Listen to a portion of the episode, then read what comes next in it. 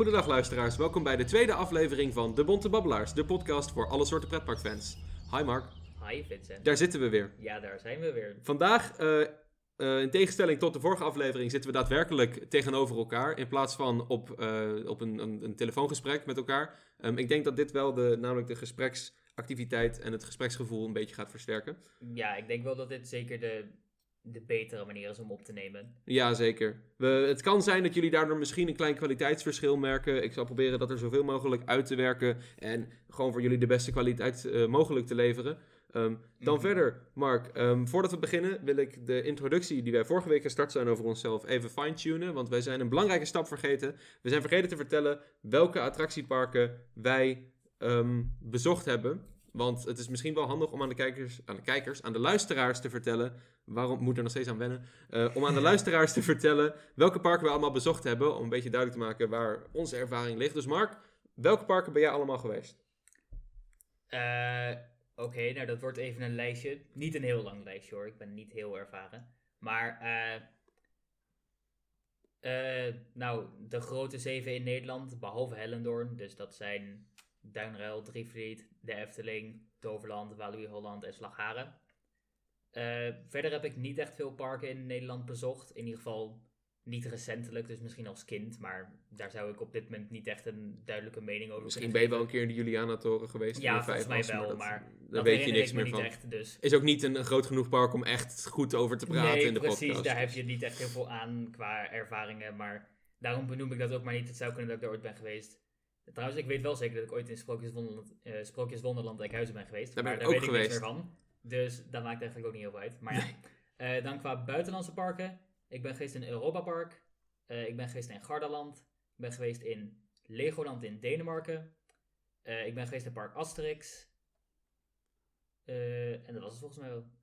Ja, dat is, het is een goede line-up. Ehm, Ja, Mijn line-up line is- bij die van jou. Daar komt is Mijn, eh, mijn verzameling is inderdaad ietsje groter. Eh zelfs als Mark, ik heb alle zeven grote parken en ook nog Hellendoorn bezocht. Ja, jij ehm, wel een Hellendoorn geweest. Met de kanttekening dat Hellendoorn voor mij ook wel een tijdje geleden is. Misschien moet ik daar recentelijk nog wel een keer mee terug. En ik heb, ik heb nog niet gezien. En ik, heb die, ik was er ook tijdens het Halloween-event, tijdens Hexendoorn. Dus ik heb niet Hellendoorn normaal gezien, om het maar zo te zeggen. Mhm. Ehm, maar verder ben ik er geweest, Van Haren ben ik geweest, Efteling, dingen, uiteraard. Ik ben ook, eh, Mark, jij ook, wij zijn allebei Efteling abonnementhouder. Dat is misschien Ja. ook leuk om te delen, wij komen er dus best wel vaak. Ehm, dan nog verder te melden, ik ben in België, ben ik in Walibi Belgium en Plopsaco geweest. Ik heb alleen Conda nog niet gedaan, ehm, maar ik ben wel al gewoon in Walibi België geweest. Dan ben ik in Disneyland Parijs geweest. Ehm, ik ben in Park Asterix geweest. Ik ben in Port Aventura geweest. In Europa Park en Fantasieland. En dan in Tivoli Gardens. En dat is het volgens mij voor mij wel een beetje. Ik heb, ik, ik, ik heb altijd het gevoel dat ik er dan eentje vergeet. Maar ja, dat, je bent natuurlijk ook in Ferrari-land geweest. Maar dat Oh ja, maar dat is- hetzelfde in principe is dat gewoon eh Port Aventura. Wat mijn exacte credit count qua coasters is, ik heb geen idee. Ik heb daar wel een lijstje van, maar ik weet het niet uit mijn hoofd. Ik, ik weet het ook niet. Dus dat, dat, dat is misschien wel leuk voor een andere aflevering. Mhm. Maar we hebben in ieder geval nu een beetje gedeeld waar we allemaal geweest zijn. Dat vond ik wel handig om te doen. Ehm, zo hebben we ook een beetje meer, eh, hebben jullie meer een introductie van wie, wie, wie wij zijn en wat onze ervaring is. Mhm. Ehm, dan wil ik gelijk duiken in het eerste onderwerp van deze aflevering. En dat is eh, even een klein traantje wegpikken en even stilstaan bij het overlijden van Erik Daman. Erik Daman is afgelopen week overleden, eh, tenminste op het moment dat wij dit opnemen, ehm, aan, ik heb vernomen, een nierziekte. Niet heel erg oud geworden, maar Helaas. Helaas niet, nee. Hij is bekend als eh Fantasieland-ontwerper. Hij heeft ook nog gewerkt voor parken als Bobbejaanland. Maar hij is toch wel voornamelijk bekend geworden met zijn werk voor Fantasieland. Hij is ontwerper van onder andere Kloekheim, van Talokan, Black Mamba, eh Rookboer. zo ongeveer. Zo ongeveer alle zo nieuwe ongeveer toevoegingen. Alles van, Wat we als goed beschouwen. We- Wat wij inderdaad als kwalitatief heel erg hoogstaand beschouwen. Ehm, ja, we wilden eventjes een, een kleine ode brengen aan zijn werk. Want het is toch wel een, een verlies voor pretparkland. Ja, ik denk zeker dat we hier een, een, eh, een belangrijk figuur, misschien zelfs wel een icoon voor de pretparkwereld hebben verloren. Klopt. Eh, ja, voor zijn, tenminste ik weet niet, ik ben geen expert op het gebied van Fantasieland en ik weet ook niet enorm veel over Erik Daman. Maar eh, Nee, hij was... gezien wat hij heeft gemaakt, heeft hij Fantasieland wel echt van een, een, een middelmatig park tot echt een, een wereldklassepark omgetoverd. Klopt. Erik Daman zelf stond ook niet heel erg vaak in de schijnwerpers. Hij werd niet heel erg vaak gepresenteerd als daadwerkelijk hoofdontwerper. Als Fantasieland iets nieuws opende, lag de nadruk altijd op het gebied en nooit echt uh, naar de persoon daarachter. Dus vandaar dat wij niet zo heel erg veel over hem per se weten, maar we, genieten wel heel erg van zijn werk. Wat jij zegt inderdaad, Fantasieland, dat was, ik moet zeggen, voor de grote investeringen van de afgelopen paar jaar, was Fantasieland echt gewoon een, een klein regionaal, niet heel relevant parkje. Wat ook heel erg veel afkeek bij parken als Disney. Uh, dat zie je in bijvoorbeeld de Main Street terug. Dat, zie, dat zag je destijds terug in type attracties zoals de de Temple of the Nighthawk, die toen nog de, de, de ruimteattractie was. Mhm. Ehm, of in ieder geval een ruimtevaarts thema had. Is natuurlijk afgekeken bij Space Mountain. Uiteraard. Maar Daman die, die was heel erg van de vernieuwing. Hij was heel erg van het uh, weg met het oude, in met het nieuwe. Mhm. Ehm, dat zien we in. Dat is een ideale mindset voor een park als Fantasieland, die nogal Ja. beperkte oppervlakte heeft. Inderdaad, misschien wel meer dan welk ander park dat ik kan bedenken. Van als, als iets niet goed is, als we niet tevreden zijn over de kwaliteit van iets, weghalen en vervangen door iets veel beters. Klopt, Fantasieland, hij, eh, de, de, de, de, de filosofie van Fantasieland wordt heel mooi door hem gekenmerkt.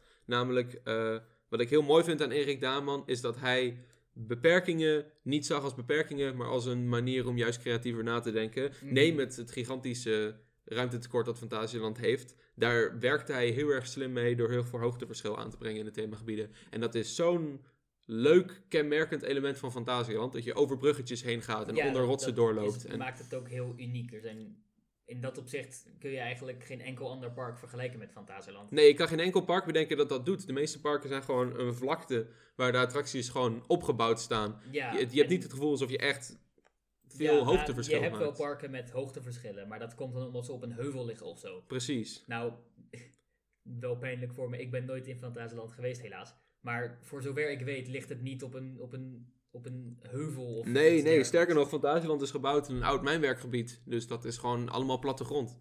Ja, en dus de manier waarop hij eh, hoogteverschillen aanbracht in de themagebieden is daarom compleet anders dan eh, elk ander themagebied in elk ander park dan ook zo ongeveer. Inderdaad. En los van dat zijn de, kwali- de, de kwaliteit van de themagebieden lag altijd echt heel hoog. Hij was een Mhm. enorm perfectionist. Dat kun je zien aan, aan gebieden als Kloekheim, waar zo ontzettend veel details eh, in worden aangebracht. En waar ze ook nu nog steeds eigenlijk bezig zijn met de afwerking ervan. Ja, dat had ik inderdaad.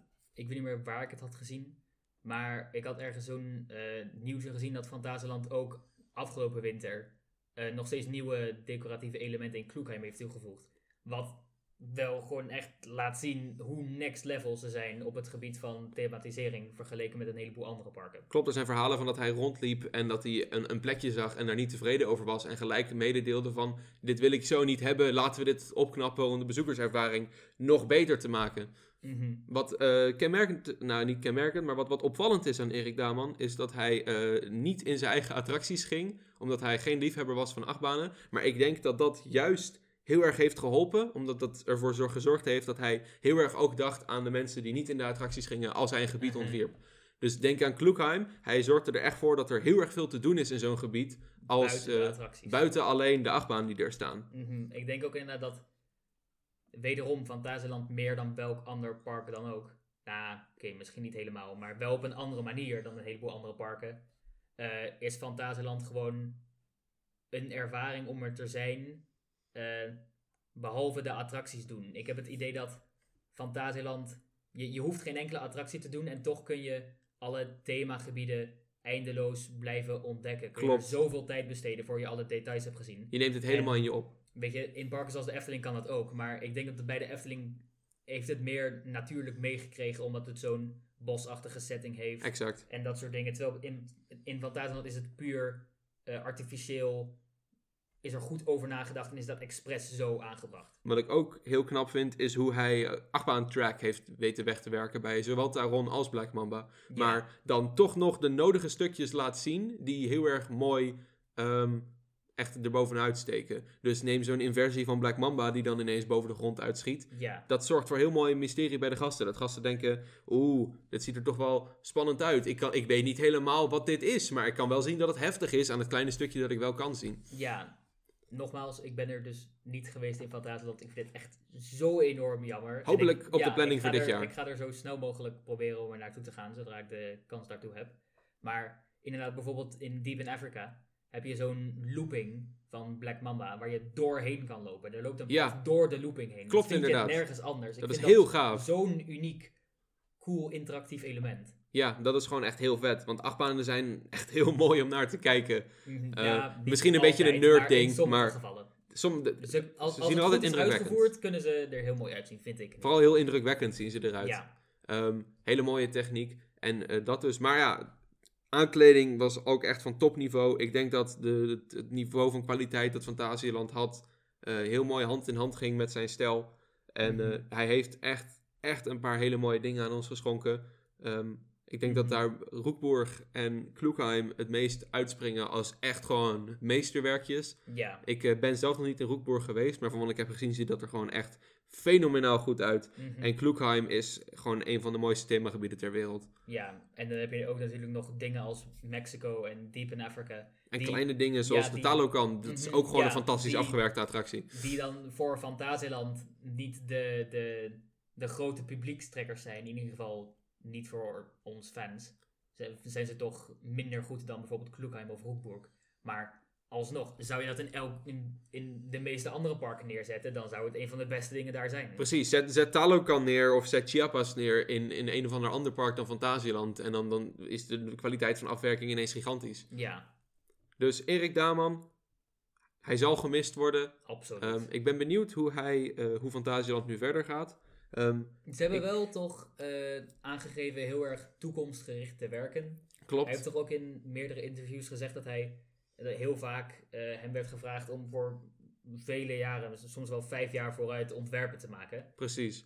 Dus eh, ik weet niet waar je had vernomen dat hij is overleden aan een nierziekte. Maar als dat een betrouwbare bron is en we er dus vanuit kunnen gaan dat hij inderdaad aan zoiets is overleden, dan neem ik aan dat ze dat eh, toch wel in enige mate aan hebben zien komen. Tenminste, ik weet niet of dat zo is, maar dat zou kunnen. Ik ook niet helemaal, dat is een Dus beetje speculatie. geval- ja, dat is inderdaad een beetje speculatie. Ik, ik hoop gewoon heel erg dat ze eh, nog wat plannen hebben voor de toekomst. Ik ook. Ik hoop dat ze gewoon een kast vol met tekeningen hebben. ja, Gewoon lades vol met ontwerpen voor nieuwe gebieden en uitbreidingen. Ja, he- het is nou eenmaal zo dat ze ooit een vervanger... Ze moeten een vervanger voor hem zoeken. Maar om iemand als Erik Daman te vervangen, een, een geschikte vervanger daarvoor te vinden, dat gaat zo lang duren. Dat is inderdaad wel lastig. Dus Ik- hij ik- snapte het park heel erg goed. En Ja, en eh, ook binnen de, de, de verschillende filosofieën die je kan hebben als het draait om het ontwerpen van een attractie, was hij best wel uniek. Als in, Klopt. eh, in bijna alle themaparken draait een attractie heel erg om het thema en dat een, een, bepaalde, een bepaald verhaal aan de bezoeker wordt overgebracht. En in Fantasieland gebeurt dat minder. De verhalen zijn er wel, maar eh, tenminste, volgens mij eh, zei hij dat hij het zo had ontworpen dat de bezoeker het niet hoefde te begrijpen om de attractie leuk te vinden. Dat vind ik een hele fijne mindset. Want Mark, ik ga je nu vragen. Weet jij wat het verhaal van de Taron is? Ja, ik weet het, maar alleen omdat Oh, jij toevallig. het me hebt verteld. Als Ja, jij ik het me niet weet- zou hebben verteld, zou ik het niet weten. De grap is, eh, ik heb het jou inderdaad verteld, maar ik ben het zelf inmiddels weer vergeten. Oh, het, Ik, was, eh, het was nog... je had het, het, het mystieke dorpje Kloekheim. En er was een of andere draak of zo. En eh, een of andere wetenschapper had een machine bedacht. Ik weet dat Rijk een tijdmachine is, toch? Ja, en daarom was volgens mij een, een machine bedoeld om, om elektriciteit of energie op te wekken. oh ja, om dat was daar het. iets mee te doen. Maar dat, ja, het wordt ook echt totaal niet in de attractie verteld of iets dergelijks. Nee, niks aan een voorshow. Niet eens een paar borden in de wachtrij of iets dergelijks. Maar dat is Maar- fijn. Ja, dus ik heb ook het idee dat die soort van... Ik weet niet waarom het verhaal er überhaupt is dan. Maar Ja, omdat ik denk dat je het verhaal hier meer een, een basis is om van af te werken. Eh, ja, misschien meer een, een soort van... de story. Meer dat het kwam kijken bij inderdaad de, de, de worldbuilding. Als Precies. gewoon dat, dat ze Kloekheim wilden construeren op een manier die logisch was, die echt zou kunnen werken. En daarom er een verhaal bij hebben bedacht Ja. wat zou kloppen. Maar dat het vervolgens niet nodig was om dat aan de bezoeker te Het verhaal is een, is een fundering voor het thema en voor de wereld, maar de storytelling die daarop volgt is niet relevant. Nee, precies. Je hoeft niet tijdens de rit eh, een verhaal te ondergaan. Je bevindt je in de wereld van een verhaal. Ja, precies. Dat dat een beetje meer de mentaliteit is. Mhm. In enorm contrast met bijvoorbeeld de Efteling, die heel erg is van de verhalen vertellen Ja. door middel van de rit. mhm. Ja, Dus- maar ik denk dus ook dat Ja. eh, het gaat heel lastig worden voor Fantasieland om een ontwerper te vinden die en eh, zo goed is eh, in zijn oog voor detail en alles als Erik Daman. Kon ook fantastisch tekenen trouwens. Mhm. Iemand die eh, de, even goed is in omgaan met de, met de restricties waar Fantasieland mee te maken heeft. Dus hoogte, ruimte, de, de, de woonwijk die er vlak naast ligt. Dus de geluidsniveaus, al dat soort dingen waar Erik Daman, neem ik aan, over de jaren toch wel een boel ervaring mee heeft opgedaan. En eh, aan hoe hij in zijn ontwerpproces daar makkelijk rekening mee kon houden. Dus dat wordt lastig om iemand te vinden die dat kan. Eh, en dan natuurlijk, eh, ik bedoel, ze zouden er vanaf kunnen wijken van de stijl die ze nu hebben. Als in dus dat de, de, de verhaal, dingen bij attracties niet enorm belangrijk zijn. Maar weet je, dat zou wel een beetje inconsistent zijn met de rest van het park. Dus ik neem aan dat ze liever iemand hebben die dan goed aansluit bij de stijl van Erik Daman. Ik denk dat zijn stijl inderdaad wel voortgezet moet zijn. Want Van- Fantasieland heeft nu echt een kwaliteitsstandaard voor zichzelf neergezet. Waarvan ik vind dat ze die moeten blijven nastreven. Absoluut, absoluut.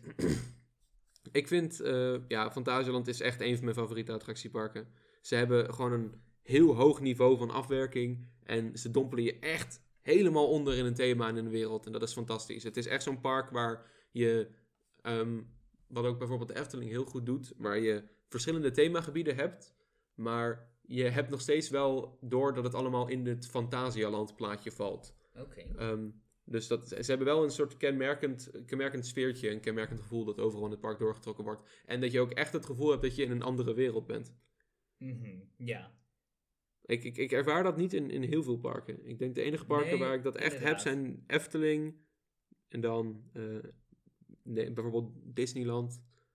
Maar ja, en dan eigenlijk gewoon Fantasialand. geweest, maar Nee, inderdaad. Maar dat, dat heeft Fantasieland in ieder geval wel heel erg goed onder de knie. En eh, ze zijn ook echt van, fascinerend goed in omgevingsdingen doen. Op een niveau waar ook echt andere parken, zoals zelfs Disney, gewoon nog van kunnen leren. Ja, precies. Wat ik, ook, wat ik ook nog wel interessant vind aan dus die stijl van eh, het verhaal meer eh, soort van niet heel duidelijk aan de bezoeker vertellen, is voor ons fans, tenminste ik zelf zou liever hebben dat er wel een sterk verhaal is. Want als dat goed wordt uitgevoerd, draagt dat toch denk ik wel bij aan de, aan de mate waarin je eh immersed voelt in zo'n themagebied en door een attractie. Maar dus inderdaad voor de gemiddelde dagjesbezoeker eh, ik weet niet of ze het misschien zelfs verwarrend vinden dat het er niet is, omdat het in veel parken er wel is. Maar in ieder geval hebben ze nu iets niet, eh, hebben, is, is het nu niet het geval dat ze het verhaal niet begrijpen. Want het verhaal is er niet. Dus in dat opzicht is het voor de gemiddelde dagjesbezoeker juist fijn. Of in ieder geval, Ja, Minder want wat, wat je bijvoorbeeld bij de Efteling wel eens hebt, bij, ik neem even als voorbeeld nu Symbolica, dat bezoekers eruit lopen en die dan zeggen, ik vond het heel mooi, maar ik heb eigenlijk geen idee wat ik nou zojuist meegemaakt heb. ja, Terwijl bij, eh, als je het verhaal niet echt in iemands gezicht schuift, dat, ze dan, dat er dan ook geen risico bestaat dat mensen het niet begrijpen. Dat is een beetje wat je probeert te zeggen, denk ik. ja, ja. Maar dus dat het ook een heel sterk contrast is met wat eh, wij als fans, tenminste ik neem aan dat de meeste fans, een, een goed verhaal eh, wel een goede toevoeging vinden. Ik denk dat dat een beetje afhangt van het park. Ik denk van een park als de Efteling dat, dat een goed verhaal wel een, een eis is. Maar dat bij een ander park dat meestal een beetje meer op de achtergrond verschijnt. Ja, oké, daar heb je een- daar heb je wat. Er is ook een verschil in een verhaal neerzetten als achtergrondverhaal voor de attractie. En de attractie zelf het verhaal maken. Eh, wat ik daar een Mhm. beetje mee probeer te zeggen is, je hebt, ehm, je hebt zoals de Kankan Coaster, heb je een, een setting waar niet per se een verhaal bij hoort. En je hebt een attractie als de Baron, waar echt het, het verhaal afspeelt terwijl je erin zit. Mm, ja. ja, ik snap wat je bedoelt. Ja, dus je hebt of een achtergrondverhaal slash setting waarin een, een wereld zich plaatsvindt en een verhaal van de attractie zelf. Dat is een beetje wat ook bij Symbolica heel rommelig is. Je hebt, bij Symbolica heb je allebei. Je hebt namelijk het complete achtergrondverhaal van Pardoes en de wereld van Symbolica. En je hebt dan ook nog ehm, het verhaal van de rit zelf. Wat het hele idee is van je gaat op audiëntie en Ja, Pardoes neemt je mee. En die twee dingen, dat is misschien toch een beetje too much. ja, zeker aangezien de, de, de lore van de wereld van Pardoes nergens anders in het park wordt Nee, uitgelegd. Klopt, alleen, eh, die werd echt alleen uitgelegd in boeken en, en strips en dingen Ja, die laten dus uitgeven. Het is er wel, maar inderdaad, als ze dat allemaal eh, erin willen betrekken, is dat misschien een beetje te veel voor de bezoeker. Overigens is de, lore van Pardoes echt heel erg groot. Er is, eh, is, er is een hele, hele background story rondom Pardoes bedacht destijds. Ja, de tv-series, alles. Het Klopt. ging echt heel erg diep, toch? Een hele matige tv-serie. Wa- Wat ik wel nog interessant vind aan eh, dus Erik Daman en zijn stijl van ontwerpen. Ik denk dat een, een achterliggend verhaal, dus voor een heleboel attracties, eh, het kan zeker werken, maar het hoeft dus niet, zoals Erik Daman heeft bewezen. Maar eh, tenminste, waar ik zelf ook wel benieuwd naar was, en volgens mij een heleboel andere mensen ook, was eh, wanneer gaat Fantasieland, het, het, het nieuwe Fantasieland van deze kwaliteit, een keer een grootschalige dark ride bouwen? Klopt. Maar want, ja, ik denk dat wel voor een dark ride is zo'n verhaal wel heel belangrijk. ze hebben Mouse au Chocolat. Mouse au Chocolate. Ik weet eigenlijk niet hoe je het uitspreekt. Ik noem altijd de Mouse au Chocolat.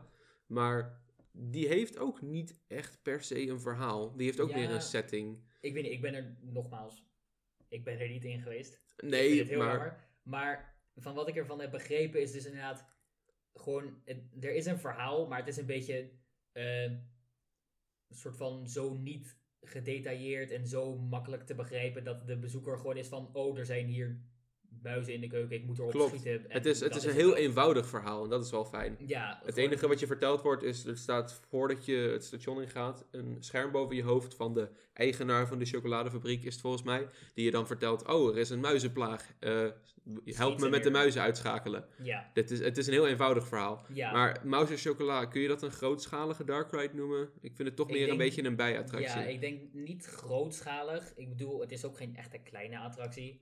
Maar Nee. het is nog zeker niet de schaal van een dark ride die ik van, graag zou willen dat Fantasieland Klopt, het is een beetje een... echt te kijken wat ze daarmee kunnen doen.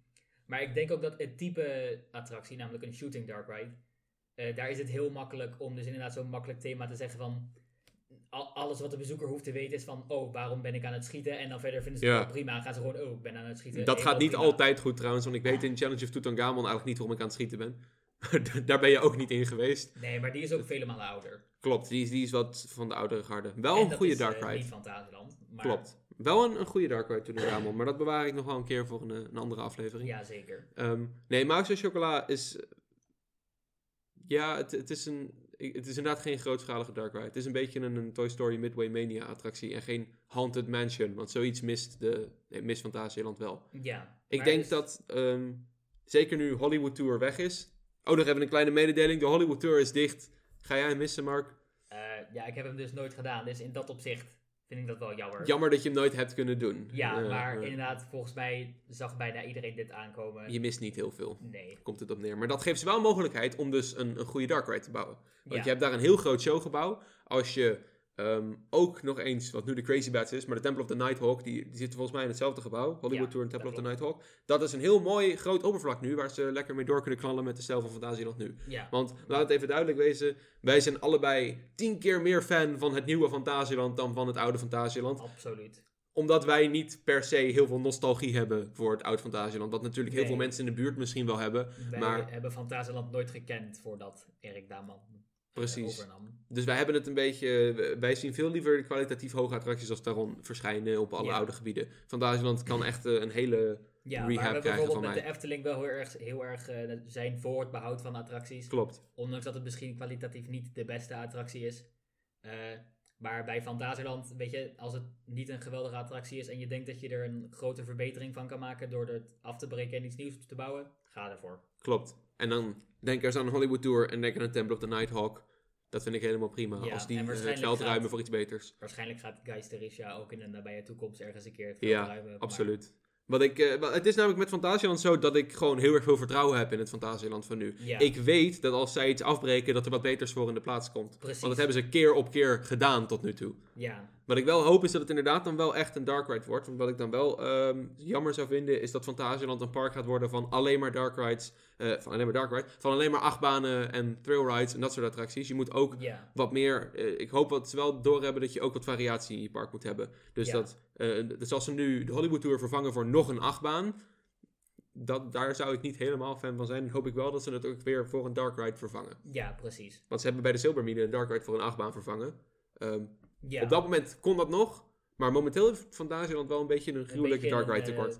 Achtbaan en thrill ride heavy line-up vergeleken met ja, precies. Ride. Vergeleken met de meeste familieparken. Ja, Want Fantasieland hebben- is een familiepark. En ze hebben nu dus ook een, een heleboel echt goede achtbanen en eigenlijk niet echt een, een goede Dark Ride zou ik zeggen. Nee, en je Ja, hebt ook, eh, ze zijn niet, ook niet heel slecht. Maar Nee, tuurlijk niet. het- Nu, maar nu zijn- met... ze, eh, ze hebben geen standout geweldige boom wereldklasse Dark Ride. Echt Nee, precies. niet. Je hebt, eh, maar dat hebben ze nu wel met acht banen. Met Fly en Taron en Black Mamba. En dat is dan ook nu wel genoeg, zou ja, ik zeggen. Voor nu in ieder Voor, goede klasse achtbanen hebben ze voor nu wel even genoeg. Dus Ja. een, een goede, echt inderdaad, grote schaal wereldklasse Dark Ride mist Fantasieland. En ik hoop dat die nu op de plek van de Hollywood Tour gaat komen. Ja, en ik ben ook heel erg, soort van, ik ben heel erg benieuwd wat ze met zo'n project zouden doen. Want tenminste, ik, het lijkt mij dat een, een, een duidelijk thema voor een grootschalige dark ride wel heel belangrijk is. Anders heeft de bezoeker geen idee wat er gebeurt. En bij een achtbaan zijn ze dan van, oeh, ik ga snel, ik ga over de kop. En dan is het alsnog leuk als je leuke theming hebt om naar te kijken. Maar ik heb het idee dat bij een dark ride dat verhaal toch wel belangrijk is om te begrijpen. Komt wel wat meer naar kijken. Ja, maar dus ik ben wel heel benieuwd. Hebben ze daar al plannen voor? Eh, zo ja. eh, hoe gaat Erik Damans eh, toch wel andere filosofie en manier van ontwerpen zo'n attractie beïnvloeden ten opzichte van andere Klopt. grootschalige dark rides? En als ze nog geen plannen daarvoor hebben, hoe zijn ze van plan dat dan eh, te gaan realiseren? Ja, dat is allemaal aan Fantasieland natuurlijk. Wat wel typisch Fantasieland is dat ze dit niet gaan aankondigen waarschijnlijk. Nee, absoluut Dat doen ze nooit. Dat vind ik op, op een eh, manier. Ik, ik, ik weet dat heel veel mensen er kritiek op hebben, maar ik vind het eigenlijk wel leuk. Want het is heel erg typisch Fantasieland geworden om zomaar gewoon iets dicht te gooien en iets nieuws te bouwen zonder te vertellen wat er aan de hand is. Ja, en dan ondertussen, eh, zoals bij Flyen en Roekburg het geval was, dat je al gewoon de halve achtbaan is geïnstalleerd en alsnog. eh Ga je niks zeggen? zijn niks aan het Ja, precies. Dat was met, met, met, met Kloekheim inderdaad heel erg. De hele schutting stond er. De track was al aangekomen en het was van, oh, er gebeurt hier niks. Er gebeurt, waar heb je het over? Ja, precies. Dus Bouwplaats? Ik zie geen bouwplaats. dat, dat, dat- het is op zich wel leuk. Kijk naar de, bijvoorbeeld de Efteling. Nou, ik, ik neem nu de Efteling als voorbeeld, maar dat, de, de laatste tijd zijn ze wat minder aan het announcen. Maar voorheen in ieder geval, al voordat de eerste schep de grond in ging, kwam er al een, een grote blogpost over met concept art en dat soort dingen. Ja, nou, maar nou heb ik wel ook het idee dat eh, de Efteling met de beruchte Efteling fanbase, dat er een soort van chaos zou uitbreken. Klopt. De seconde dat er iets van een bouwplaats of iets van constructie aan de hand is, terwijl ze daar niks over hebben aangekondigd. Dat komt omdat de Efteling natuurlijk heel erg verwoven zit met de cultuur en heel erg een dichte fanbase heeft die eigenlijk ehm, de Efteling fanbase en hoe de Efteling zichzelf presenteert is heel erg conservatief gericht. Dus als er een aanpassing is in de Efteling, dan vinden de fans dat je dat eigenlijk niet kan maken zonder daar iets over duidelijk te maken. Je Ja. ziet het nu ook met de crisis die uitbreekt met het spookslot. Maar daar gaan wij ook nog zeker een keer een aflevering over maken. Want daar hebben wij heel erg veel over te zeggen. ja. Ehm, maar goed, eh, terug, terug naar, eh, naar Fantasialand. Ehm, Hollywood Tour. Eh, je, je zou in feite zelfs nog gewoon de complete track en het transportsysteem van Hollywood Tour intact kunnen laten. En gewoon alleen de, de rit zelf aanpassen. Dat zou in principe kunnen. Ik bedoel, het is inmiddels best wel oud, maar ik ben... Een ik- opfrisbeurtje Ik, weet, en ik weet niet precies hoe reliable die was of wat voor technische problemen dat Volgens systeem mij, eh, allemaal met zich mee heeft gebracht. Volgens mij reed hij gewoon lekker. Als het helemaal goed ging, dan kun je het een, een soort van echt flinke onderhoudsbeurt geven. Dat hij klaar is voor de toekomst. En dan, weet je, dat is misschien alsnog best duur. Maar ik denk dat dat goedkoper zou zijn dan een heel nieuw eh, transportsysteem aanschaffen. Precies. Al is het natuurlijk wel een stuk minder innovatief. Als je kijkt naar de transportsystemen die op het moment op de markt zijn voor dark rides. Dan zijn er toch ook wel eh, andere eh, transportsystemen Ja, maar ik waar denk, je voor zou ehm, kunnen kiezen om, de ervaring, om aan de ervaring toe te voegen. Ja, maar ik denk dat, dat, dat, dat zo'n oude bootride wel gewoon zijn charme heeft hoor. En een, een bootattractie is ook gewoon heel erg tijdloos. Dus ehm, Daar heb je zeker een punt. daar, ik denk, eh, ik, denk, denk dat het een goede zet is om dat gewoon te houden en alleen de thematisering aan te passen. Misschien nieuwe boten erop zetten, maar de infrastructuur kun je houden. Bijvoorbeeld Ja, ja. voor de Monster House in Six Flags Over Georgia, daar hebben ze toen die Okefenokee attractie afgebroken, maar ze hebben de, de baan en alles wel gewoon laten staan en er gewoon een nieuwe bootattractie van gemaakt. Mm. Het is een heel obscuur voorbeeld dit, maar dat is Ja, de eerste die even ik- tot ik- in, gedachten springt. helemaal waar je het over hebt. Ehm, maar- Het komt erop neer dat ze die baan gewoon kunnen bewaren. Hetzelfde geldt voor Geister Riksja. Want eh, zoals jij net ook al zei, Geister Riksja gaat zeker nog een keer verdwijnen in de nabije toekomst. Mhm. Ik denk niet dat die nog heel erg lang levensbeschoren is. Nee, waarschijnlijk niet. Fantasieland kennende ook niet. Dat is wel een attractie waar ik hoop dat ze het ook een dark ride houden. En dan zelfs nog... Zeker. Want eh, wat ik bij Geisterisha vind, is dat het, het, het thema is heel erg goed. Een, een Chinees georiënteerd spookhuis is heel origineel Ja, en ik kan, erg leuk. ik kan geen enkele andere bedenken. Nee, precies. Dus ik denk dat het, het thema van Geisterisha kan makkelijk behouden blijven. Maar het kan gewoon in de uitvoering kwalitatief net iets beter. Ja, is- er zitten heel erg veel elementen gejat uit de Haunted Mansion. En de, er zit, het is gewoon kwalitatief niet een hele goede Nee. attractie. Met gewoon simpele poppen. Ik, toen ik erin ging, ehm, toen ik een paar jaar geleden in Fantasieland was, waren er poppen die gewoon omgevallen waren en die niet weer overeind gezet waren. ja, Dat, dat zegt wel wat over de, het onderhoud op die attractie. Dus ja, ik, Ja. ik denk dat we wel ervan uit kunnen gaan dat die nog een keer weggaat. Maar dan hoop ik dus dat het thema behouden blijft. ja, Past ook mooi in het gebied. ja, zeker. In ieder geval, ik denk dus dat we enorm benieuwd zijn eh, naar de toekomstplannen die Fantasieland nu heeft. Ja, precies. En ik hoop dat ze niet al te veel verstoord zijn door dus Het overlijden. helaas het eh, verlies van Erik Daman. Ja, dus ja, dat is eh, ook. Natuurlijk gaan onze. zijn, natuurlijk gaan onze gedachten uit naar de familieleden van Erik Daman, vrienden van Erik Daman, iedereen die eronder lijdt. Het is heel erg tragisch. En eh, ja, We zijn hem erg dankbaar voor alles wat hij heeft gedaan. precies. Dan gaan we eventjes wat dingen rechtzetten van de vorige aflevering. We hadden het vorige aflevering over het Efteling Grand Hotel. Ehm, Een beetje onhandige timing van ons. Ja, Of- nou of komt van, dus- Of van loopings in dat opzicht. nou komt de grap. We hadden- onze aflevering opgenomen de dag, letterlijk de dag, voordat Loopings aankondigde dat ze de bouwtekeningen hadden. Ja, het was Dus- letterlijk. We waren net klaar met de opname van de aflevering. En ik keek op Twitter en ik zag een tweet van Loopings met... We hebben ze! De bouwtekeningen van een nieuwe Efteling Hotel. Dat ze morgen online zouden komen. Ja. En ik zat daar, ik het onmiddellijk naar Mark. Oh nee, Ja, we dus- zijn net een dag te vroeg. Ja, wij grapten ook meteen van, nou, perfect. Eh, onze aflevering, voordat die uitkomt, is die al meteen irrelevant. Is nu al gewoon met de- door de tijd ingehaald. Ja. Maar goed, dus het leek ons wel handig om eventjes wat kleine, misschien dingen recht te zetten. Ehm eerste wat te vermelden valt, het hotel komt een stuk meer naar het Huis van de Vijf Zintuigen en weg van de spoorlijn af dan wij eerst dachten. Ik dacht dat het veel strakker op de spoorlijn zou liggen, maar het komt echt gewoon op de plek van de Vrolijke Noot te liggen. Dus gewoon richting Huis van de Vijf Zintuigen. Dan Ja. wil ik toch nog het punt weer even aanhaken dat ehm, het misschien de parkeerervaring wat meer verstoort.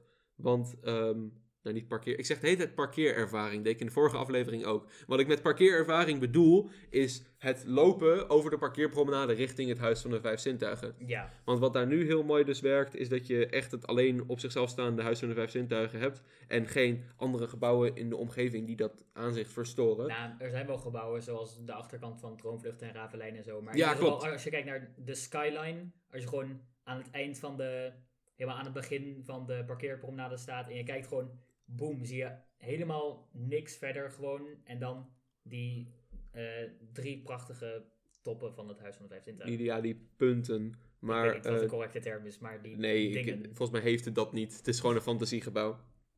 Maar wat de ik- pieken. Pieken, perfect. Anton, ja, ja, ja, toch wel leuk over nagedacht. Maar goed, Ehm, je kan. ik denk ehm, dat dat aanzicht eh, wel veranderd gaat worden door het hotel. Maar aan de ene kant, het hotel wordt niet heel erg hoog.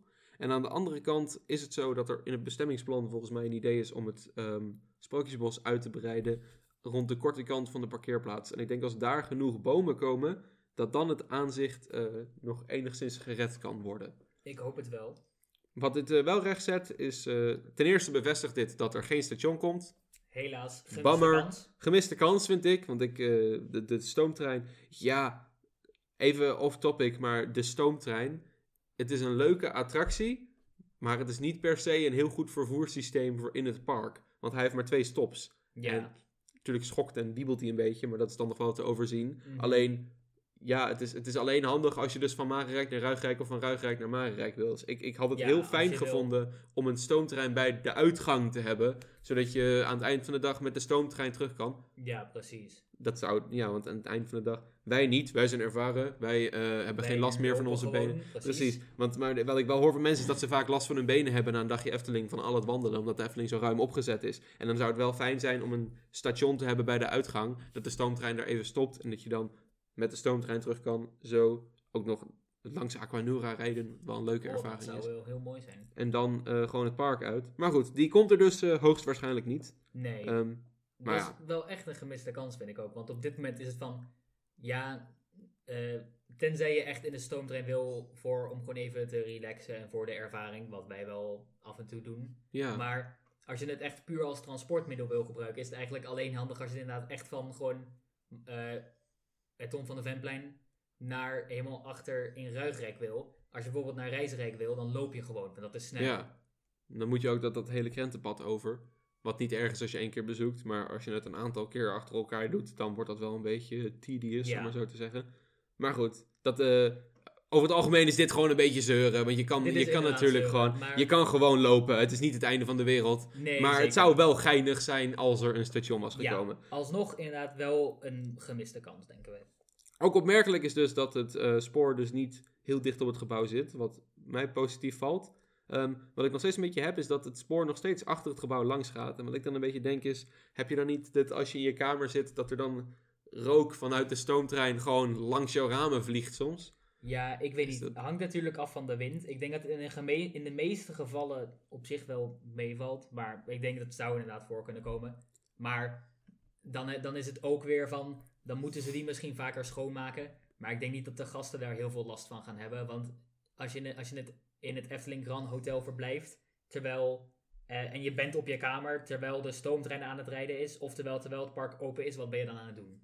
Ja, dat, is, dat is een goed punt. Ja, je kan natuurlijk halverwege je dag even naar je hotelkamer om te relaxen. Maar dat doe je dan niet in je kamer meestal. Dat doe je dan in de spa die erbij zit. Of dat soort dingen. Ja, precies. Maar goed, het is wel eh, het, het is interessant. En wat ik nog wel wil aanhalen, volgens mij heb ik dit al verteld in de eerste aflevering eh, die nooit online is gekomen. Een kleine behind the scenes voor de mensen. We hebben een eerste aflevering opgenomen en die is toen helemaal fout gegaan. Niet Ehm, helemaal goed inderdaad. en dus hebben wij een nieuwe tweede afle- een eerste aflevering opgenomen. Maar wat ik daar nog aan jou vertelde was... De zon komt op in het oosten en gaat onder in het westen. Ehm, wat je dan wel krijgt is... eh, s s'avonds valt de zon zodanig dat eh, achter het hotel een soort schaduwhok gaat worden. Want het hotel bedekt dan wel de zon op de Pardoespromenade. Ja, dat is En flink jammer. in het Sprookjesbos.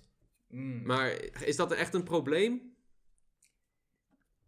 Ik weet niet in hoeverre het een probleem gaat worden. Maar Het is een beetje het- lastig het te is zien, toch wel want- iets waar je aan moet denken. Want het, het zou zomaar kunnen. Ik kan me zeker voorstellen dat als het ineens twee uur voordat het normaal eh, donker zou worden, je ineens geen licht meer hebt daar, dat dat wel vervelend is. Ja, natuurlijk is dat ook wel een beetje zeuren. Maar goed. Verder, Ja, ja. maar daar zijn we natuurlijk heel goed in als Efteling fans. dat klopt, dat klopt. Ehm, ja, verder op de bouwtekeningen is er niet heel veel aan te merken. Het is gewoon een beetje wat wij ervan verwacht hadden. Ehm, we hebben wel eindelijk de tekening van de achterkant. En zoals voorspeld is het gewoon identiek aan de voorkant. ja, zo ongeveer. Vrijwel identiek. Dus ja, ook zeker niet teleurgesteld mee. Het is gewoon een prachtig gebouw. Dus ja, niet heel veel toe te voegen. Wat ik wel interessant vond aan de bouwtekeningen is dat... Ik weet niet of dit gewoon aan de bouwtekening ligt of dat het een wijziging in het plan is. Maar de twee torentjes op eh, de voorgevel, op soort van de middelste toren met de klok erop... zijn raar doorzichtig getekend. Betekent dit dat ze dan potentieel niet komen? Of is dit gewoon een manier om op de bouwtekening de lijnen daarachter te laten zien? Ik denk dat dat gewoon een speciale manier is om het weer te geven hier. Natuurlijk ben ik niet helemaal eh, thuis in de bouwwereld, dus ik ja, weet wij niet... zijn niet bepaald experts op het gebied van bouwtekeningen of iets dergelijks. Nee, precies. Dus ik, ik denk dat het gewoon eh, een manier van tekenen is. En dat we Mhm. niet hoeven te vrezen dat die daar niet komen. Ja, ik denk wel dat dus eh, deze bouwtekeningen, het is heel fijn dat we ze uiteindelijk hebben. Dat een heleboel dingen ge- nu echt bevestigd zijn en dat we veel duidelijker kunnen zeggen inderdaad hoe het er dus gaat komen. Maar toch veel van deze dingen, al niet precies, maar we wisten veel van deze dingen toch wel ongeveer. Door ook de gelekte ontwerpen en de officieel naar buiten gebrachte ontwerpen. Maar wat ik wel heel jammer vind, is dat op deze bouwtekeningen zie je alsnog vrij weinig van eh, wat ze met het dwarrelplein willen gaan doen. Klopt. Dat is jammer. Want dat is eigenlijk waar ik eh, het meest nieuwsgierig naar ben. Ja, Want we weten nu wel zo'n beetje alles over het hotel. Maar we weten eigenlijk helemaal niks van wat er met de omgeving gaat gebeuren. ja precies. Komt er een pleintje achter de Pardoespromenade? Komen de tuinen terug zoals op het gelekte ontwerp zaten? Wie weet het? Ja, we weten het niet. We Ja. gaan erachter komen, denk ik. Ik denk dat we ons daar maar gewoon moeten laten verrassen. Ja, natuurlijk deelt de Efteling niet heel vaak tekeningen van landschap en dat soort dingen. Dus eh, ik, ik vrees dat we gewoon maar een beetje verrast moeten worden daarmee. Ja, maar ik vraag me wel ook af, want als ze echt het Dwarrelplein grootschalig gaan vernieuwen en veranderen, dan zouden ze daar, neem ik aan, ook een vergunning of iets dergelijks voor moeten aanvragen. Maar zijn daar geen bouwtekeningen van te vinden dan? Of staat dat los hiervan? Ik denk dat dat eh, inderdaad een, een los project is. Dat we daar niet per se heel veel bouwvergunning van hebben. Maar wel een vergunning voor is aangevraagd laatst. Is een inrichtingselement op het Ton van de Vemplein. En eh, we hebben het daar heel even over gehad in de verwijderde eerste... Nou, niet verwijderde, in de mislukte eerste aflevering. Mhm. Ehm, het schijnt dus... ehm, wij, hadden, wij dachten dat het gewoon een bankje of Onze een... theorie van een bankje of een plantenbak of een Of zoiets heel is, eenvoudigs. eh, Is, ja, ja. het is nogal iets anders. Oké, wat, ik- wat wij uit eh, de extra informatie kunnen halen is dat dit tijdelijk is. En dat het gaat zijn voor het nieuwe Efteling Zomerfestival. Wat een beetje de opvolger wordt van het Negenpleinenfestijn. Leuk, want ze hebben met corona natuurlijk helemaal niks. Hebben ze zo grote hoogseizoen zomeravonden kunnen doen. Maar wat is dit? Het is... Ehm, vind- het is, ziet er heel erg vreemd uit. Het lijkt bijna meer op een attractie dan op Ja, een ja, landschapselement. ehm, een inrichtingselement was het Oh, trouwens. En, eh, maar het is... ja, het, eh, wordt het, Het- een, het- attractie? wat- want het, het, is, het zijn, lijkt op een soort schommels. Met één schommel of bankje dat hangt ergens eh, in het midden wat hoger dan de rest. En dan een cirkel van bankjes die ook eh, net boven de grond hangen eromheen. Maar ik weet niet, ik kan me niet voorstellen dat bezoekers hierin mogen of zo. Dus de enige Nee. wat ik kan bedenken is dat het gebruikt gaat worden voor een soort mini-show of entertainment. Ja, of ik denk dat het een soort entertainment act is. Ja. Dit is wel duidelijk dat dit geplaatst gaat worden op het Ton van de Vemplein. Echt op het midden van het Ton van de Vemplein. Waar normaal gesproken eh, het, het, het vreugdevoer wordt gezet in de Winter Efteling. Wat ik denk dat dit is... eh, het is namelijk, als ik kijk naar de lijnvoering en het kleurgebruik... dan is het heel duidelijk in droomvlucht thema. Ja. Dus wat ik denk is dat er mensen verkleed als elfjes... een beetje op die schommels gaan zitten... en dan heen en weer gaan schommelen op muziek of iets zoals dat. Want ik weet dat er in de, de Efteling een tijdje geleden hadden ze nog ook een act met elfjes. En die zaten dan op muziekdoosjes die je dan kon opwinden. En dan gingen ze daar een soort klein dansje op doen. Dus ik denk dat het zoiets vergelijkbaars is. Het is in ieder geval een zomer entertainment act, denk ik. Ik denk niet dat er bezoekers op gaan mogen zitten. Nee, maar ja, ik bedoel, we weten natuurlijk verder eigenlijk helemaal niks hierover. Behalve dan dat het gebruikt gaat worden bij het nieuwe zomer entertainment festival-achtige dinges. Waar we volgens mij ook nog vrij weinig over weten. Daar weten we inderdaad ook niks over. Dit is eigenlijk de eerste wat wij eh, te horen hebben gekregen over dit zomerfestival überhaupt. Ja, maar ik denk dat je met vrij veel zekerheid kan concluderen dat dit eh, iets voor entertainment en alleen Efteling-medewerkers gaat worden. Het is ook gewoon al misschien. Heel misschien zou je nog in de schommels eromheen kunnen zitten of zo, maar Daarboven in die ieder in geval het midden, niet. dat gaat gewoon niet gebeuren. Dat, dat Ja, kun je met zekerheid Als ik een, een ruwe gok zou doen, dan denk ik dat het eh, een soort hoofdelfje is dat daarboven gaat zitten. En die doet dan een beweging en dan muziekje. En dan doet de rest hetzelfde na. Of zoiets Ja. vergelijkbaars.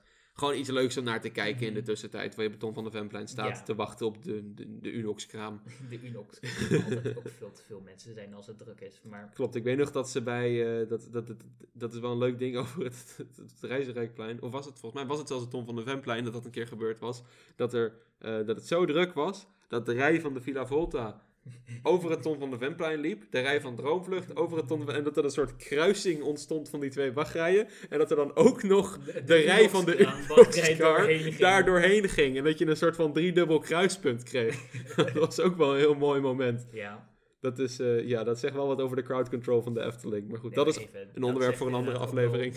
Genoeg over wat voor soort dag dat is. En dat moment dat de wachtrij van de Villa Volta over dat plein gaat lopen. Ja, klopt. je, ik, heb wel, ik, ik heb wel eens op drukke dagen of op het moment dat ze eh, nog een gedeelte van de wachtrij van Droomvlucht moeten opengooien. Gezien dat de wachtrij soort van de, die poort die je bijna als ingang van de attractie zou kunnen zien, dat het daar naar buiten komt. Die, die, die witte Tot- pilaren met die bokkenkoppen erop bedoel je? Die, die, die ornamentdingen. Of heb je het over de droomvlucht nu? Nee, ik heb het over Droomvlucht. Oh, oké, oké. Dus dan eh, voorbij ongeveer het bord waar je dus inderdaad de, de wachttijd wordt weergegeven. Zover heb ik de rij wel eens zien staan. Maar bij Villa Volta, weet je, volgens mij heb ik nog... een- eh, het verste wat ik het heb gezien is dat het 10 tot 15 meter voorbij eh, de oprechte entree van de wachtrij voorbij komt. Maar laat staan dat eh, het mini-pleintje voor de Villa Volta nog over en dan het hele plein. Dat moet echt een hele drukke dag zijn geweest. Klopt. Het gebeurt ook wel eens op het Reizenrijkplein trouwens, dat dan de rij van Carnaval Festival en Vogelrok met elkaar kruisen. maar dat, ja, het is, het, het is wat met de drukte in de Efteling. Ja. Ik hoop wel dat, maar wat ik zei, ja, crowd control van de Efteling kunnen we misschien nog wel een keertje over hebben in een andere aflevering. Nou denk ik dat ze het over het algemeen gewoon prima doen hoor. Maar Ja, prima. Totdat het, ze doen het prima tot op het punt waar het echt heel druk wordt. ja, maar ik kan ook begrijpen dat het dan heel lastig wordt om het in goede banen te leiden. Maar Dat is waar. Dat, dat, is betekent niet dat het niet beter zou kunnen. Even ehm, compleet ongerelateerd. Mark, eh, jij bent er niet in geweest, maar eh, we hadden het er heel kort over, dus dat de Hollywood Tour dichtgaat. En we hebben het eigenlijk volledig gehad over een potentiële vervanger. Maar wat vinden wij eigenlijk van de Hollywood Tour op als attractie? En wat vinden wij ervan dat die weggaat? Eh, ja, nogmaals, ik ben er niet in geweest. Helaas. Ja, je blijft Ik zie de frustratie in je gezicht. Ik zie de frustratie, ja. ben geweest. Ik ga er, luisteraars, ik beloof, ik ga er zo snel mogelijk naartoe als ik een keer de kans krijg. Hopelijk nog dit jaar. Dan gaan wij ook zeker een, een trip report aflevering Ja, maken absoluut. van eh Sneller Ehm, Fantasieland. Ik heb echter wel meerdere onrides gezien van Hollywood Tour. eh, al jaren geleden. eh, tot redelijk recentelijk. Dus ik heb er genoeg gezien en het zit ook nog redelijk vers in mijn geheugen. Eh, ik weet over het algemeen wat de consensus is, wat veel mensen ervan vinden. Dus ik ben soort van, ik heb niet alle kwalificaties om hier een duidelijke mening over te geven, maar ik doe het alsnog. Ja, dan, eh, ik, ik, laat ik maar even beginnen, want ik ben er dus wel in geweest. Hollywood Tour ehm, was ten eerste echt een icoon. Hollywood Tour had echt een, een, een soort cultstatus in de pretpark fan community. Het was eigenlijk één hele grote meme geworden, die attractie op een gegeven moment. Waar echt de, de spin-aaien. Ja, precies. De spin-aaien, dat soort dingen. En eh, gewoon de, de, de, de afzichtelijke kwaliteit van de animatronics in die attractie. Maar ik moet zeggen, ehm, was het een goede attractie? Nee. maar Het was Er zaten- er zaten wel wat daadwerkelijk goede elementen in. Wel, er zijn een paar dingen in de Hollywood Tour die wel werkten voor mij. Ten eerste, eh, als je de, de eerste afdaling maakt en dan door die grotten heen gaat, dat heb ik altijd eh, nog wel echt een mooi stukje gevonden. Ehm, dat was een mooi, het werd heel mooi verlicht die grotten, het was mooi aangekleed en er, er zat een soort van raar sinister muziekje op de achtergrond, dat trouwens de hele attractie lang speelt. En eh, daardoor had Hollywood Tour een hele rare soort van creepy sfeer ehm, de hele attractie door. En dat, dat vond ik op zich wel wat hebben. Het had wel wat... bijvoorbeeld van die mensen die heel erg houden van, van die rare creepy animatronic dingen... was Hollywood Tour echt een walhalla. Want het was, het was zo'n heel raar gedateerd eh, stuk rommel... met allemaal van die rare poppen die half onder water zaten. En dat, Ja, het heeft op zich wel wat. Maar het was niet zo erg als eh, zeeslang met mensenhoofd animatronic dinges die je in, van, eh, die je in Gardaland in. Gardaland inderdaad kan terugvinden. Maar Ja. het had bijvoorbeeld wel die, die Jaws-pop. Ehm, ja, dat, dat, het ding met, met Hollywood Tour is dat eh, de charm en de, de ironische factor eh, die attractie veel hoger liet wegen dan hij daadwerkelijk deed. Want als je objectief naar de attractie keek, was het echt gewoon een, echt een verschrikkelijk slechte attractie. Ja, Maar ehm, met dus wat goede elementen. eh, neem de muziek en dus dat eerste grottenstukje. Maar ja. ik, hij had wel echt charm. En ik ga hem ook echt serieus gewoon missen. En dat is heel raar om te zeggen van een attractie van zo'n kwalitatief slecht niveau. ja. Ehm, Ik denk wel, eh, dat missen is natuurlijk, eh, weet je, jammer dat hij er niet is, maar je bent er niet echt eh treurig om of zo dat hij niet meer open gaat. nee, laat ik zo zeggen. Ik vind het goed dat hij weg is. Maar ik ga, ik ga de, de, de charm wel van de jammer Hollywood Tour... dat je er niet meer in kan. Ja, ik vind de charm... Ik denk dat de Fantasieland er natuurlijk wel op, alleen maar op vooruit kan gaan nu. Ehm, het, was ook zo'n, het was ook trouwens een heel mooi voorbeeld van zo'n rip-off attractie. Het was keihard afgekeken van de Great Movie Ride. Mhm. Ehm, maar ik weet niet. Het was een van de weinige echte restanten van nog dat oude Fantasialand. Ehm waarbij, waarbij wij net nog zeiden dat we er niet zo'n heel erg groot fan van waren. Maar het had toch wel op zich wat. Ehm, Ja. En ik denk dat de sluiting van de Hollywood Tour... ehm, je zou de sluiting van de Silbermine dit al kunnen noemen. Maar de sluiting van de Hollywood Tour is toch wel echt een eh, end of an era voor Fantasialand, zeg maar. Dat, ja, zou je het ook echt een end of an era noemen? Of meer, Het is- het, het is of meer echt, het, eh, het begin van het einde? Nou, laat ik het zo zeggen. Het is de, de laatste, eh, echt ja, je hebt natuurlijk nog Temple of the Nighthawk, maar die is nu gerethemed. Dus Geisterisha. ja, Geisterisha heb je nog, maar het is wel echt een van de laatste van de nog oude garde generatie Ja, Fantasieland daar heb je wel attracties die in. Het zijn er niet veel meer. Nee, het- je hebt eigenlijk nu alleen nog Geisterisha en Temple of the Nighthawk. En dan kan ik er verder eigenlijk niet één bedenken. Ja, Colorado Adventure, maar die is dan toch relatief net iets nieuwer dan al die andere. Ja, tenminste, ik weet niet precies hoe oud hij is, maar hij geeft me niet per se het, het gevo- hij, geeft me niet hetzelfde gevoel als die andere. Erik Daanman is aangenomen vlak na de Colorado Adventure volgens mij. Dus dat is dat toch wel een... eh, Maar ze Dat- kunnen de Colorado Adventure niet afbreken. Dat was Michael Jackson's favoriete achtbaan. Klopt, het was Michael Jackson's favoriete achtbaan. Die heeft hij zelf nog geopend, volgens mij. Volgens mij heeft hij nog een tijdje de Michael Jackson rollercoaster of zoiets geheten.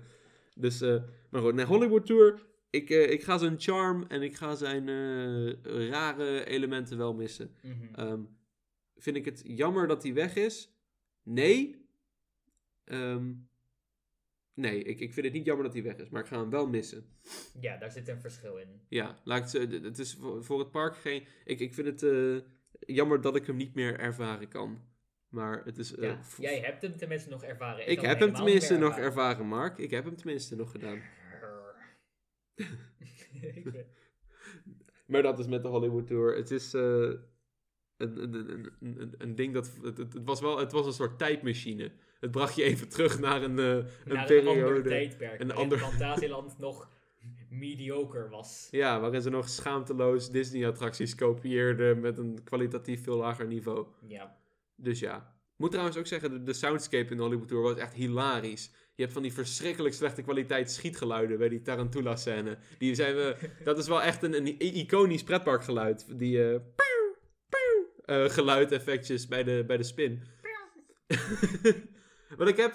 wat geluiden zijn heel erg nostalgisch voor attractieparkfans. Bijvoorbeeld... ehm, de, de geluiden van blockbreaks van achtbaan... Of nee, van, van airbrakes van achtbanen. Die Ja. Psh, dat is echt een, een geluid dat ik heel erg associeer met mijn pretpark hobby. Dan wil ik jou dus nog, eh, voordat we afsluiten, want eh, ik denk dat het wel, we- komen rond het einde van deze podcast. Ehm, ik keek op eh Pretpark Club Forum. Dat kennen jullie misschien sommige luisteraars wel. En ik zag een topic verschijnen over waar stop jij je telefoon als je in een achtbaan zit. Ehm, en daar wilde ik het even heel kort nog met jou over hebben voordat we afsluiten. Mark, waar stop jij je telefoon als jij in een achtbaan gaat zitten? In mijn rugzak. Ja, ik ook. Wat ik interessant vond aan dat topic is dat heel veel mensen het gaan hebben over, over waar in een broekzak of in een jaszak. Maar eh, ik neem altijd mijn tas mee naar een attractiepark. Ik heb altijd een rugzak bij me om water en dat soort dingen mee te nemen. Dus ik vond het wel een, een interessant topic om eh, te kijken wat Ja, voor creatieve en- mensen, oplossingen mensen verzonnen. Want eh, je, je kan hem ook gewoon in je tas doen, toch? Ja, in je tas lijkt me in principe de meest voor de hand liggende oplossing. Ik Ja. bedoel, wie gaat er naar een attractiepark toe en neemt geen tas mee? Weet je, als je in je eentje gaat en je hebt in principe, weet je, als je bereid bent om veel geld uit te geven, kun je in principe gewoon je telefoon en je bankpas en dan lukt het je wel. Maar dat gaat je dagje uit toch wel een stuk duurder maken dan die hoeft te zijn. Ja. En dus ik neem aan dat het grootste gedeelte van de mensen wel iets van een tas of iets dergelijks bij zich heeft. Ja, want wat ik, altijd, wat ik sowieso altijd meeneem eh, naar een attractiepark als ik ga, is ik neem ehm, mijn jas mee. Flesje Ehm, water. Ik neem een flesje water mee. En dan natuurlijk de, de standaard eh, portemonnee, eh, telefoon, ehm, sleutels. Whatever, al- al- eh, die standaard gaat natuurlijk eh, altijd standaard mee. dingen. Maar ehm, dat is dan toch al wel te veel om zonder tas mee te nemen. En ook als je eenmaal in het park bent en je koopt een souvenirtje of iets, is het handig om een tas te hebben om die weer mee terug Ga, te ga kunnen je die nemen. ook in je broekzak doen tijdens de achtbaan? Ik denk niet dat je een eh, opblaasbare langnekpop in je broekzak krijgt. Ik kan dat proberen.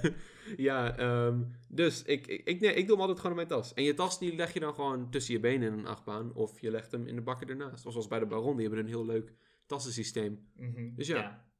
Wel een tip voor attractieparkfans van mijn kant. Ehm, neem een beetje een herkenbare rugzak mee. Hang er een herkenbare sleutelhanger aan of iets dergelijks. Want eh, je wil niet in de situatie komen iemand iets meeneemt en dan... Oh ja, welke tas is van jou? Ja, die zwarte rugzak.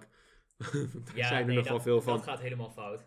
Dus het is inderdaad handig om iets te hebben wat je tas onderscheidt van de andere. Gewoon Ja. om het eh, iets gemakkelijker te maken voor jezelf. Hier zouden we een segmentje van kunnen maken. Pretparktips van Mark en Vincent. Ja, en dan eh, nog even, zullen we ook even voor alle niet-pretpark-fans die luisteren. Ik weet niet of dat er mensen zijn, maar wellicht Wie weet. even tips.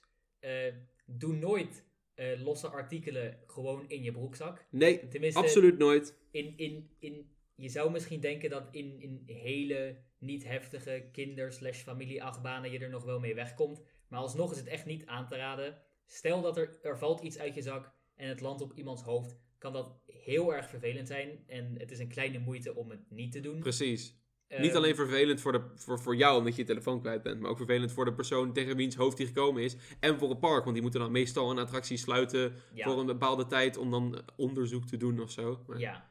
Ehm, verder, eh, ja, dus broekzakken, gewone broekzakken, absoluut niet aan beginnen. Nee. Jaszakken, het kan, zolang het een ritzak is. Ja. Knopen eh, zou ik ook niet vertrouwen. Dat Nee. kan allemaal nog fout gaan. Ritzakken zit je over het algemeen wel goed mee. Je zit vaak goed met eh rits binnenzak van een ja, jas. een rits binnenzak zit wel goed. Want ook nog vaak bij, stel je hebt een, een broekzak die op de normale plek van een broekzak zit, of bij sommige jaszakken, dan, eh, maar er zit wel een rits, dan kan de beugel van de attractie ook nog in de weg daar gaan zitten. Ja. Dat wil je ook niet hebben.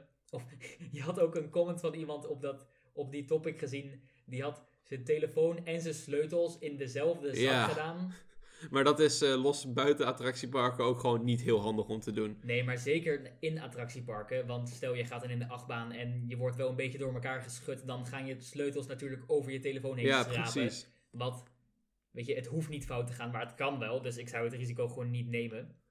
Ehm, Ehm, ja, maar dus verder, kijk gewoon een beetje naar waar de beugel zit. En verder ritszakken. ja, en neem, eh, of doe het inderdaad gewoon in je tas. In, ja, in, van is de duidelijk de beste optie. in heel veel achtbanen kun je je tas gewoon of naast de baan leggen of met je meenemen. Het is hartstikke veilig om in eh, achtbanen waar het wordt aangeraden om je tas gewoon mee te nemen. Daar hoef je Ja, geen zorgen om te maken. je benen op de Ja. grond, boem, niks aan de hand. De enige ergernis die ik soms heb is dat ik in de Vliegende Hollander ga. En als ik mijn tas dan op de grond moet zetten, dat die dan zeiknat wordt. Ja, Want er zit altijd meer water in de bootjes dan je daadwerkelijk nat wordt tijdens de rit. dat is waar. maar goed, dat, is, eh, dat zijn een paar kleine tips voor je telefoon opbergen in een attractiepark. En dan een, een, een meer algemene tip daarbuiten. eh, doe je telefoon in je tas aan het begin van de dag. En gebruik hem ook gewoon de hele dag niet. Dan geniet je ook zoveel meer van je dag. Mhm, Ik zelf zit echt heel weinig op mijn telefoon in een attractiepark. Ja, het enige wat we doen is af en toe wachttijden checken op loopings of iets dergelijks. Ja. Maar daar blijft het meestal Ja, of, of natuurlijk een fotootje maken. Maar waar ik me heel erg aan erger zijn gewoon mensen die, die in een pretpark zijn en alleen maar op hun telefoon zitten. Want dat is een, een dat ik dan denk, ja, je had dat ook niet in een attractiepark kunnen doen. Je hebt een heel duur kaartje betaald hiervoor en dan ga je vervolgens op je telefoon zitten. Ja, nou zijn er inderdaad, weet ik veel, uitzonderingen van Six Flags Park of zo, waar je gewoon een, een, een, een grote betonplaat hebt waar ze vervolgens Gewoon allemaal ophokken. attractiepar, eh, vervolgens allemaal attracties en achtbanen bovenal hebben opgepropt. Weet je, dan snap ik dat er verder niet heel veel te doen is. Maar hier in Europa is er zelfs in parken die eh, relatief als minder goed in thematiseren worden beschouwd, zoals Walibi Holland, eh, is alsnog meer dan genoeg te zien om je heen. Is het alsnog, ziet het er gewoon interessant en mooi uit. Dus Ja. waarom zou je op je telefoon zitten? Waarom zou je dat doen? Waar er is, als je een onderuit opzoekt van de Haunted Mansion dan, en de eerste aanklikt, dan gaan ze op een gegeven moment door de ruimte van Madame Leoda. Dat is Mhm. die, die glazen bol. Aha, Ehm, ja. En daar zie je dan iemand op zijn telefoon zitten. En dat, dat, dat ergert Oh, mij nee, altijd echt enorm. Dat ik, oké, dat je je telefoon in de wachtrij gebruikt tot daaraan toe. Maar waarom zou je in een dark ride dan nog op je telefoon gaan zitten? Ja, waarom ben je Waarom dan ben je dan in die dark ride gegaan, weet je wel? Dus ja, Mhm. dat waren onze korte telefoontips voor een attractieparkdagje. Ja, en mini-rand. Maar En inderdaad, mini-rant aan het einde. Mark, ik denk dat we de aflevering hierbij kunnen afsluiten. ja, dat denk ik ook. Ik denk dat wij wel even genoeg behandeld hebben voor nu. Even genoeg gebabbeld hebben. Ja, precies. We hadden, deze aflevering was iets minder gericht op één vast onderwerp. Je zou Erik Daanman als onderwerp kunnen noemen, maar het was toch vooral gewoon een beetje babbelen met elkaar. Ja, Ehm, ik denk dat dat ook wel leuk is. Ik denk Ja. dat de volgende aflevering weer eh, iets meer topic gericht is. ja. Eh, maar in ieder geval, deze aflevering was ook dus iets anders qua opzet dan de vorige. Nu zitten we namelijk eh, aan dezelfde tafel recht tegenover elkaar. En Klopt. de vorige aflevering was eh, via een telefoongesprek opgenomen.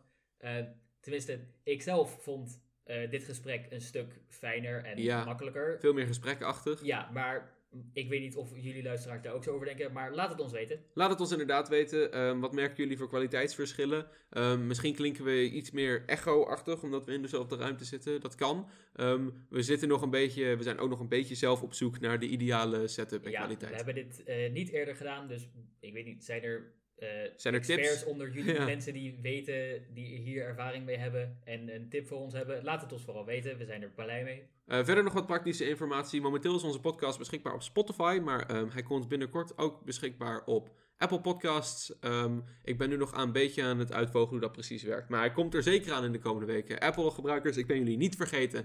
Ehm, dan En eh, Stel, er zijn nog andere platformen die jullie graag zouden willen zien. laat het ons alsjeblieft weten, Mhm. inderdaad. Dan zal ik ze daar ook proberen op te zetten. Ehm, verder nog wat praktische informatie. Mochten jullie vragen, opmerkingen of misschien wel suggesties voor onderwerpen doen voor de podcast eh, willen doen, eh, kan het altijd. Jullie kunnen ons op social media een berichtje sturen. Wij zijn te volgen op Instagram via @debontebabbelaars, te volgen op Twitter via @bbabbelaars en jullie kunnen ons een mail sturen op debontebabbelaars@gmail.com. Ja, Dat was het, Mark. dat was het.